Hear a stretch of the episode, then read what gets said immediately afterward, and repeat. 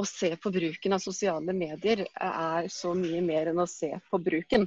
Vi må, vi må, forstå hvordan de blir tilrettelagt og personifisert. Vi må forstå hvilket innhold de unge møter. Vi har med oss eh, Ragnhild Eeg, som er førsteamanuensis eh, ved Høgskolen Kristiania. og Hun leder bachelorprogrammet i anvendt psykologi. Og vi har med oss eh, Merete Kolberg Tennefjord, som er førsteamanuensis ved Høgskolen Kristiania. Og er også spesialfysioterapeut ved Akershus universitetssykehus. Og mitt navn er Arne Krumsvik.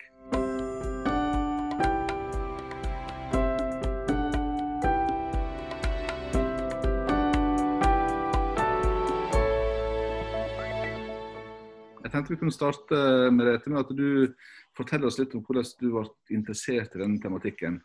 Min tidligere forskning har jo vært retta mye mot uh, kvinnehelse og kvinnesykdommer. Så at, uh, min verden har jo åpna seg litt opp egentlig etter at jeg begynte på Høgskolen Kristiania. Og har, og kommet med nye folk, rett og slett. Så, uh, så jeg har jo begynt litt med å, innen forskning på allerede Eh, ferdig innsamla materiale når det gjelder fysisk aktivitet og mental helse. Og så ser man jo det at dette her med inaktivitet og mental, mental helse er jo også en faktor.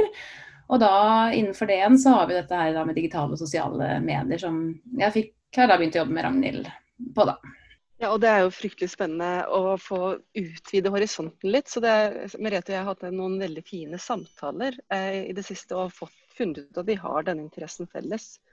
Jeg var eh, ganske skjermet eh, da jeg kom til det som en gang het Westerdals, Oslo Act. Jeg hadde jobbet med mennesker og teknologi, men da veldig spesifikk teknologi. Og det å se at teknologi er mer enn bare en skjerm foran deg, det er noe som interagerer med deg, syns jeg er utrolig spennende. Hvordan er det disse mediene påvirker barn og unge? Ja, det, på mange måter. Vi kan jo snevre inn og snakke litt om sosiale medier. Og det er jo ikke en én-til-én-plattform. Det er en plattform fullt av innhold som er selektert. Selektert på hva man har gjort tidligere, selektert på hvem man er, har i nettverket sitt. Så det er jo noe som adapterer seg til brukeren. Og da er det klart at Hvis vi blir eksponert for innhold som vi ikke har valgt ut selv, så er jo det med på å påvirke oss altså Den forskningen som har vært til nå, har jo vært Det er gjort enormt mye forskning på digital, altså digitale medier, sosiale medier. så det er, ikke, det er noe det er jo ikke noe nytt, men det har jo vært en litt sånn ensporig kanskje eh, fokus, der man har fokusert mye på tidsbruken. Og, og altså, at det å sitte for lenge foran skjerm, eller, inn, altså, eller å se på digitale, eller bare se på et eller annet medie, eller å se på sosiale medier, at det i seg sjøl kan ha negative konsekvenser. Men i form av depresjon og angst og ensomhet og, og det der. Men som Ragnhild sier, det er jo sett veldig lite på altså, hva de faktisk ser på. Altså Er det det at de sitter ned og er inaktive, og så at det er sånn den konsekvensen, og at konsekvensen av inaktivitet er da mental uhelse? Eller er det, er det på en måte det de faktisk ser på, eller scroller eller klikker på, eller, ja, eller hva de da identifiserer seg med? da? Er det sånn at det baller på seg, eller er det noe ene element eller det andre? Ja, det vet man jo ikke. for jeg tror altså, den, den, Kanskje det er litt det, det, sporet som har vært nå. At man har sett på altså, Sitter du så og så mange timer foran skjermen, så, så er, det, kan det ha sammenheng med mye dårligere helse, altså dårligere mental helse, sånn som depresjon og angst. Men, men Eh, forskningen sier også det at eh, det å være på sosiale medier, være på digitale medier, kan også ha en positiv effekt. Men, men det har jo ikke blitt så lagt vekt på som den negative effekten. Da. Hva slags positiv effekt da? Det kan være sosialisering. Det at eh, enkelte mennesker ikke kommer seg ut. Og da har de faktisk en mulighet til å holde i gang et sosialt nettverk. Sosial støtte er utrolig viktig. Bare se for deg å, å, flytte til et nytt land og ikke ha et nettverk, men da har du iallfall kontakt med, med, de du kjente fra før av. Så denne type studier finnes, og som viser at det er nyanser i det her. Vi kan ikke bare snakke om de negative konsekvensene, for det er mer nyansert enn som så. Hvordan jobber en når en skal studere dette? her? Hvordan går en fram sånn praktisk? Mm, ja, altså vi har jo Vi har egentlig hatt vi, Nå har vi hatt litt sånne um, møter, jeg og Ragnhild, der vi har diskutert uh, hvilke ord som brukes i forskningen. Det er egentlig der vi er litt nå, før vi skal gjøre et eget uh, oversiktssøk, sånn systematisk søk. Men de ordene som har gått igjen, er jo mye sånn, tid, tidsbruk, sånn, depresjon, angst. Uh, og da Facebook, Instagram, Snapchat. Og så er det jo mye mindre på dette her med liksom, kontekst. I hvilken, altså, hvilken sammenheng da? Er det, sitter de i en gjeng, eller sitter de aleine? Uh, er det unge ungdom, eller er det på en måte er det eldre ungdom? Så det er, er, det gutt eller jente? Det har vært lite kanskje nyansert i forhold til uh, at det faktisk er forskjeller da, mellom en 13-åring og en 15-åring og en jente og, eller en jente og en gutt da, på den uh, alderen. Mm. Og så På den andre siden så har man de som ser på teknologien bak det, som ser på spillmekanismer f.eks. Men de kommer inn fra et teknisk perspektiv, så igjen så mister man et, eh, innsikten om hvordan den påvirkningen faktisk foregår. Um, og Det er et ungt fagfelt, og det er allikevel fryktelig mye forskning. Men det er ingen etablerte metoder, så det er som om alle finner opp hjulet på nytt hver gang de begir seg inn på dette her. Medieeffekter, forskninga på det har jo gått litt sånn i, sånn i, i, i, bølger, men det er jo noe som en har vært opptatt av i, i lang tid. Uh, jeg vet ikke hvor dere sånn, plasserer dere i forhold til til, til hvordan medieforskere ser på dette her? Vi har jo tatt et utgangspunkt i, i brukerperspektivet og i barn og unges psykiske helse. Så vi, vi, kommer kanskje mer inn fra det perspektivet, fra folkehelseperspektivet og, og, psykisk helse. Og så er vi jo litt fra to forskjellige verdener òg, på en måte. At Ragnhild jo, har jo den fra den psykologiske siden, og jeg er fra fysioterapisiden. Så at, uh, jeg har nok sett dette her litt sånn opp mot inaktiviteten, egentlig kanskje fram til nå. Og så ser man jo, når man begynner å se mer i forskningen, så er det jo, er det jo har vi, eh, er det gjort da, som sagt, enormt mye studier, også gjort veldig mye mm, studier i ulike land som viser eh, for så vidt veldig sånn sprikende resultat. da.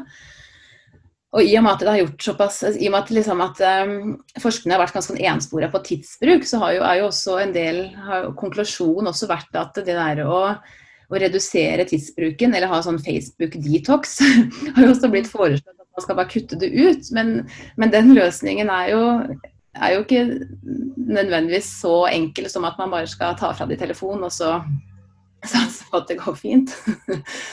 For det er jo litt mer komplekst enn så. Når vi ser statistikk da, fra SSB, så ser vi en sånn økning i antall timer man bruker på internett, er kategorien de har sagt. Og da ser vi at ja, selvfølgelig det øker. Jeg tror de under 24 bruker 4,5 timer på nett hver dag. Men vi bruker jo nett til så mye annet. Vi bruker det i jobbforbindelse, vi bruker det til studier, vi bruker det til å finne informasjon. Så det å bruke tidsbegrepet som en måling på hva som skal være negativt, det er det gir oss lite kunnskap. Dere har jo da en, en kombinasjon av både det fysiske perspektivet og det psykologiske perspektivet.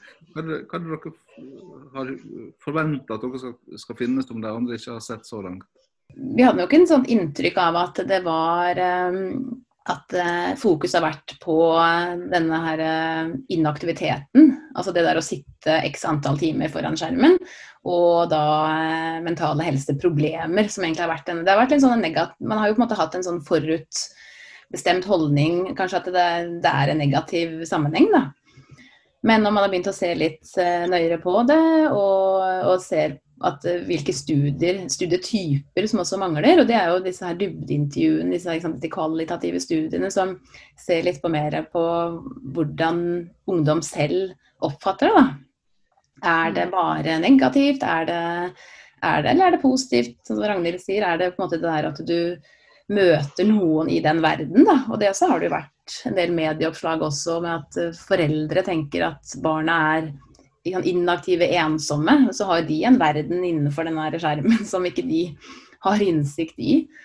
Som kanskje for dem er, er positivt, da, selv om altså Inaktivitet i seg selv er jo en risikofaktor for en mengde symptomer, både fysiske og psykiske. Men um, om det alene kan forklare dette her, det, det tviler man jo det, det, tror jeg de fleste tviler på. Men da må jo også forskningen utvide horisonten uh, litt, da. Eller den, den, er jo i gang til å gjøre det, for all del. Når det gjelder hva vi, hva vi håper på, da, det er jo å finne en tilnærming hvor vi klarer å avdekke innholdet i det de unge voksne møter. Det er, eh, det er manglende innsikt. Og, og, det krever nok kvalitative tilnærminger, som eh, Merete foreslo, og som opprinnelig fikk meg litt sånn Skal vi ikke holde, forholde oss til tall? Men det er hvordan skal vi vite hvilken verden som er der ute, hvis ikke vi snakker med ungdommen?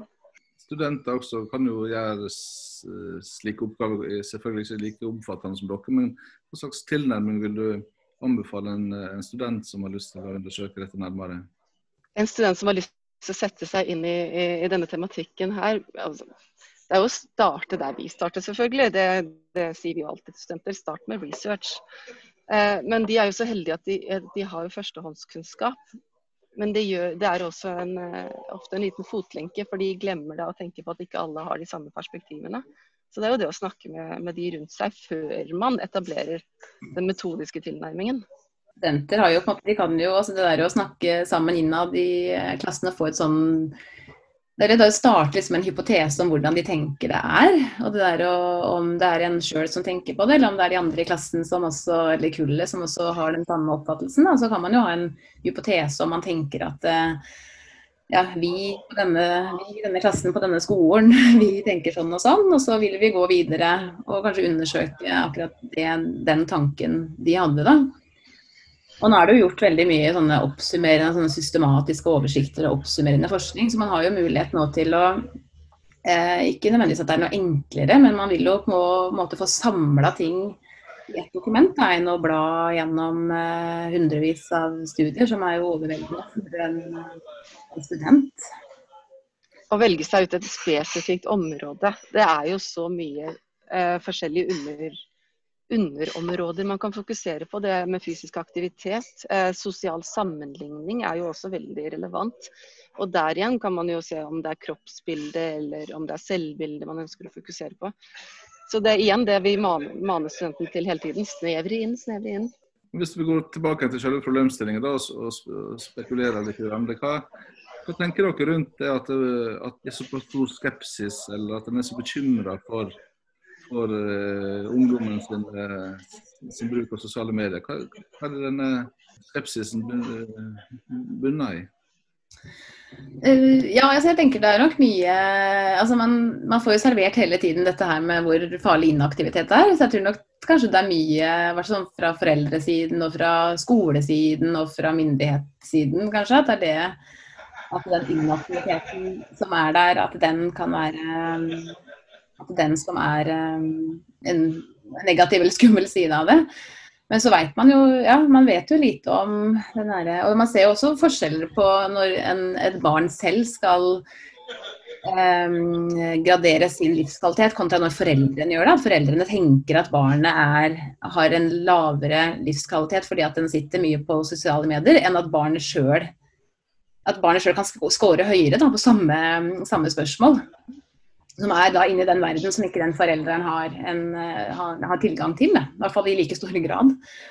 Det er vel heller ikke noe nytt at foreldre, eller de, nest, de tidligere generasjonene, ikke helt forstår hva de nyere generasjonene holder på med. Altså, en gang så var eh, TV også en skummel sak som eh, barn helst ikke burde bruke for mye tid på. Før det var det kanskje spesielle bøker. Så det er jo også det med å forstå bedre hva det går ut på, og ikke plassere alt i kategorien sosiale medier. Kanskje sette seg inn i hva den tiden faktisk brukes på. Det er jo en sånn berømt historie innenfor norsk medieforskning der, fra Stavanger, der de undersøkte er eh, eller kåra til de som så mye på kino. Og De fant ut at det var ikke grenser for hvor mye elendighet eh, det var blant de som gikk på kino. Men så viste det seg at det kanskje var noen andre, andre variabler som, som glemte å ta med i, i bildet. da. Eh, ser vi sånne skjevheter i, i, i, denne type mediebruk? Å oh, ja. Det, det, vil jeg jo tro. Altså, det er jo tidlig forskning fra 70-80-tallet så jo på vold på TV. Så da hadde de forstått at det, ok, TV i seg selv det er ikke et begrep som er dekkende nok, men vi må se på innholdet. Og som vi har, For å gjenta det vi har sagt tidligere, det, det er veldig mange som kun forholder seg til hvor mange timer eller hvor mange minutter man bruker på, på nett. Ikke bare på sosiale medier, men på alt som er koblet opp til det store internett. Så ja, det er, det er, det er behov for flere nyanser. Og så er det også det der med aktiv og passiv bruken. Så sitter du og scroller og ser på alle hvordan man helst burde se ut. og at det er de du identifiserer deg med, så er jo det kanskje en, en høyere risikofaktor for mental Altså sånn i forhold til depresjon og dårlig selvbilde og, og disse faktorene, enn om du følger noen som du som er litt i din gate, som, som uh, du kan identifisere deg med. Og, og dette er å være en sånn aktiv bruker, da, som de skriver, at du kan liksom like, og du kan uh, skrive kommentarer og Eller å kommunisere med, da, i beste fall. Så, og også det, det her med at du har en, en, eh, på en måte en reell At du framstår som en den du er. Det også er jo en, og det er jo kanskje litt sånn i samme gata som jeg sa nå, at uh, den du representerer deg som i sosiale medier, at det er den du virkelig er. At ikke du utgir deg for en annen. Uh, er jo også blitt sett på som en sånn mulig faktor for å utvikle dette med mental uhelse eller mentale helseproblemer. Da. At hvis du hele tiden er en annen eller identifiserer deg med andre som er egentlig helt uten, altså som ikke er realistisk engang, så vil det hele tiden være noe, noe sånn uoppnåelig som du aldri kommer til å nå. Og det, det, er jo ikke dermed sagt at det Eller det er jo ikke en, en, en, en god Det er jo ikke et godt forhold sånn sett, da. Den mediepåvirkningen. Og Der kommer jo også noe av særegenheten til de plattformene inn. For veldig mye av de mekanismene som gjør som vi kaller spillmekanismer, er jo sosiale mekanismer som vi, vi, ser i alle aspekter ved livet. Vi liker jo anerkjennelse. Det er jo kjempefint å få ros. Og hvis anerkjennelsen kommer i form av noen like-klikk eller noen hjerter, så, så, fungerer det kanskje på en annen måte. For det er omfanget er større, og det kommer mer uh, instant. Instantaneous. Eh, altså, dere underviser jo begge to. Den innsikten som dere får nå i i dette arbeidet. Hvordan eh, kan dere bruke det i, i undervisninga? Hvis man bygger seg opp bedre forståelse på, på ulike bruk og ulike påvirkning fra sosiale medier, så kan man jo også reflektere bedre rundt hvordan man inkorporerer det i undervisningen. Det har jo vært denne store satsingen på å digitalisere alt vi gjør i undervisning. Og, og digitalisering for å digitalisere er jo ikke nødvendigvis positivt. Så det å kunne forstå både formål og konsekvens er utrolig viktig før vi bare kaster inn teknologi i klasserommet. Også det at man har en forståelse for hvordan unge og ungdom altså hvordan de har det. At vi har en liksom, forståelse for at det For det er, jo, det er, jo, skrevet at det er en økning i mentale helseproblemer, og, og at man har en forståelse for det. Men at, den, at årsaksforholdet også Eh, jeg tenker at når, når man, man, har sett seg inn i forskningen og sett på at det er jo nyanser av det, at man klarer å presentere trenger, jeg, akkurat, jeg, har jo ikke akkurat eh, undervisning i digitale medier, men, men jeg har jo om eh, psykisk helse, jeg underviser jo om folkehelse. Og det å putte dette inn som en risikofaktor eller en modererende faktor er jo en viktig del av det, som man serverer liksom hele, hele kaka, da, ikke bare et stykke. Har Jens Barland bedt om ordet. Vær så god, Jens. Ja, jeg heter Jens Barland. Jeg er eh, medieforsker og også dekan ved Høgskolen Kristiania. Noe som, eh, altså denne diskusjonen mellom Jeg også har i hvert fra småbarnsforeldre. Eh, og så møter man andre småbarnsforeldre, og så får man typisk denne diskusjonen da om bekymringen for barn som spiller for mye og alt dette der. Og Da syns jeg det har vært veldig morsomt å provosere litt Eh, særlig bekymrede småbarnsmødre og si ja, men barna deres utvikler jo den beste kompetansen i alt med digitalisering. Det de lærer seg, det er akkurat det som blir etterspurt i framtidens eh, arbeidsliv. Og gamification forklarte dem litt dette fenomenet med at hele, hele samfunnet og alt som gjør liksom, tar en litt sånn spillverden og spillogikk i seg. Og dere får jo veldig godt kvalifiserte barn inn i framtida, Har du noe å si om det perspektivet, med bekymringen kontra arbeidslivsrelevansen? Jeg har noe å si på den digitale kompetansen. For veldig mye av teknologien som særlig unge bruker, bruker de jo. De lærer seg jo ikke så mye om hvordan teknologien fungerer. Så det er jo en grunn til at de har måttet innføre digital kompetanse som en del av grunnskolen. Fordi at de unge mangler ofte en forståelse av teknologien de bruker. og for å ha, være kompetente så trenger de mer enn en å være brukere. De trenger å, å vite hvordan man utvikler teknologien, hva som ligger bak. Ja, altså, jeg, jeg tenker, Ragnhild er jo eh, på en måte litt sånn eksperten i den der teknologiske verden av oss to. Men som jeg, fra mitt ståsted, da, så er det jo denne her eh, Hvis man skal skyte inn denne med aktiviteten at man For en ting er at man bruker jo mer og mer digitale medier. Man er jo mer og mer i i ro. Og dette her med da å klare å faktisk komme seg ut av det også er jo en viktig del av, av siden også, hvis man skal se på konsekvensene av bruken. Altså er jo den ene ting er hva man, hva man ser på, bekymringen at det bare er negativt. Men, men det der også løfte det til at det handler om det man ser på, pluss at man er da i ro, da. Vi hørte at Jens var medieforsker, for de er jo alltid så positive til nye medier. Da har Halvard Våge bedt om å få det, vær så god. Jeg lurte litt på det med iPad-bruk i skolen. Det henger jo litt sammen med alt det dere snakker om. Så det blir på en måte eh, kanskje litt svar på noe av det som både Jens og det dere snakket om tidligere. Men eh, det er veldig splitta det mellom foreldre på eh, skjermbruk i skolen. Eh, har dere noen tanker om det? Uh, ja, altså sånn jeg har jo barn på sju og fem år. Og den, han på sju har jo fått seg en sånn Chromebook og syntes det var uh, det var liksom det han virkelig gledet seg til når han starta på skolen. Han hadde hørt om dette her i hvert fall noen måneder. Og jeg tror, men uh, jeg tror han Han ble nok litt sånn skuffa når han så at det ikke var At man skulle bruke det til virkelig til læring. Og kanskje ikke så mye til surfing som han kunne tenkt seg.